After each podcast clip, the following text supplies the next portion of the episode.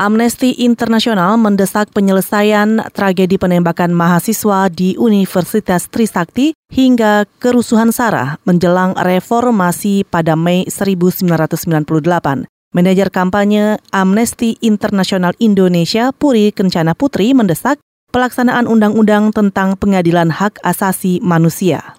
Salah satu harapan korban adalah bagaimana Undang-Undang Nomor 26 Tahun 2000 itu bisa diimplementasikan, bisa dijalankan siapa yang melakukan kerusuhan uh, atau siapa yang melakukan uh, sistematisasi uh, kerusuhan, pembakaran, kejahatan, uh, kekerasan seksual yang terjadi tahun 98 itu dibongkar dan diungkap dan dipertanggungjawabkan. Sampai hari ini itu belum ada yang melakukan itu. Manajer kampanye Amnesty International Indonesia Puri Kencana Putri menambahkan, selain eksekutif, DPR juga bertanggung jawab menuntaskan dugaan pelanggaran HAM berat pada saat reformasi 98.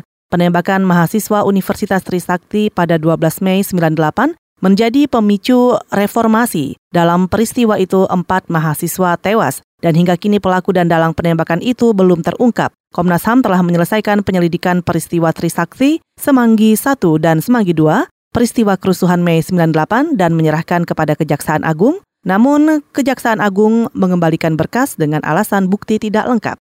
Dan saudara, terkait peringatan 21 tahun tragedi Mei 98, kami akan bersama reporter KBR Febrian Kevin yang akan melaporkan situasi di lokasi kejadian. Silakan Kevin.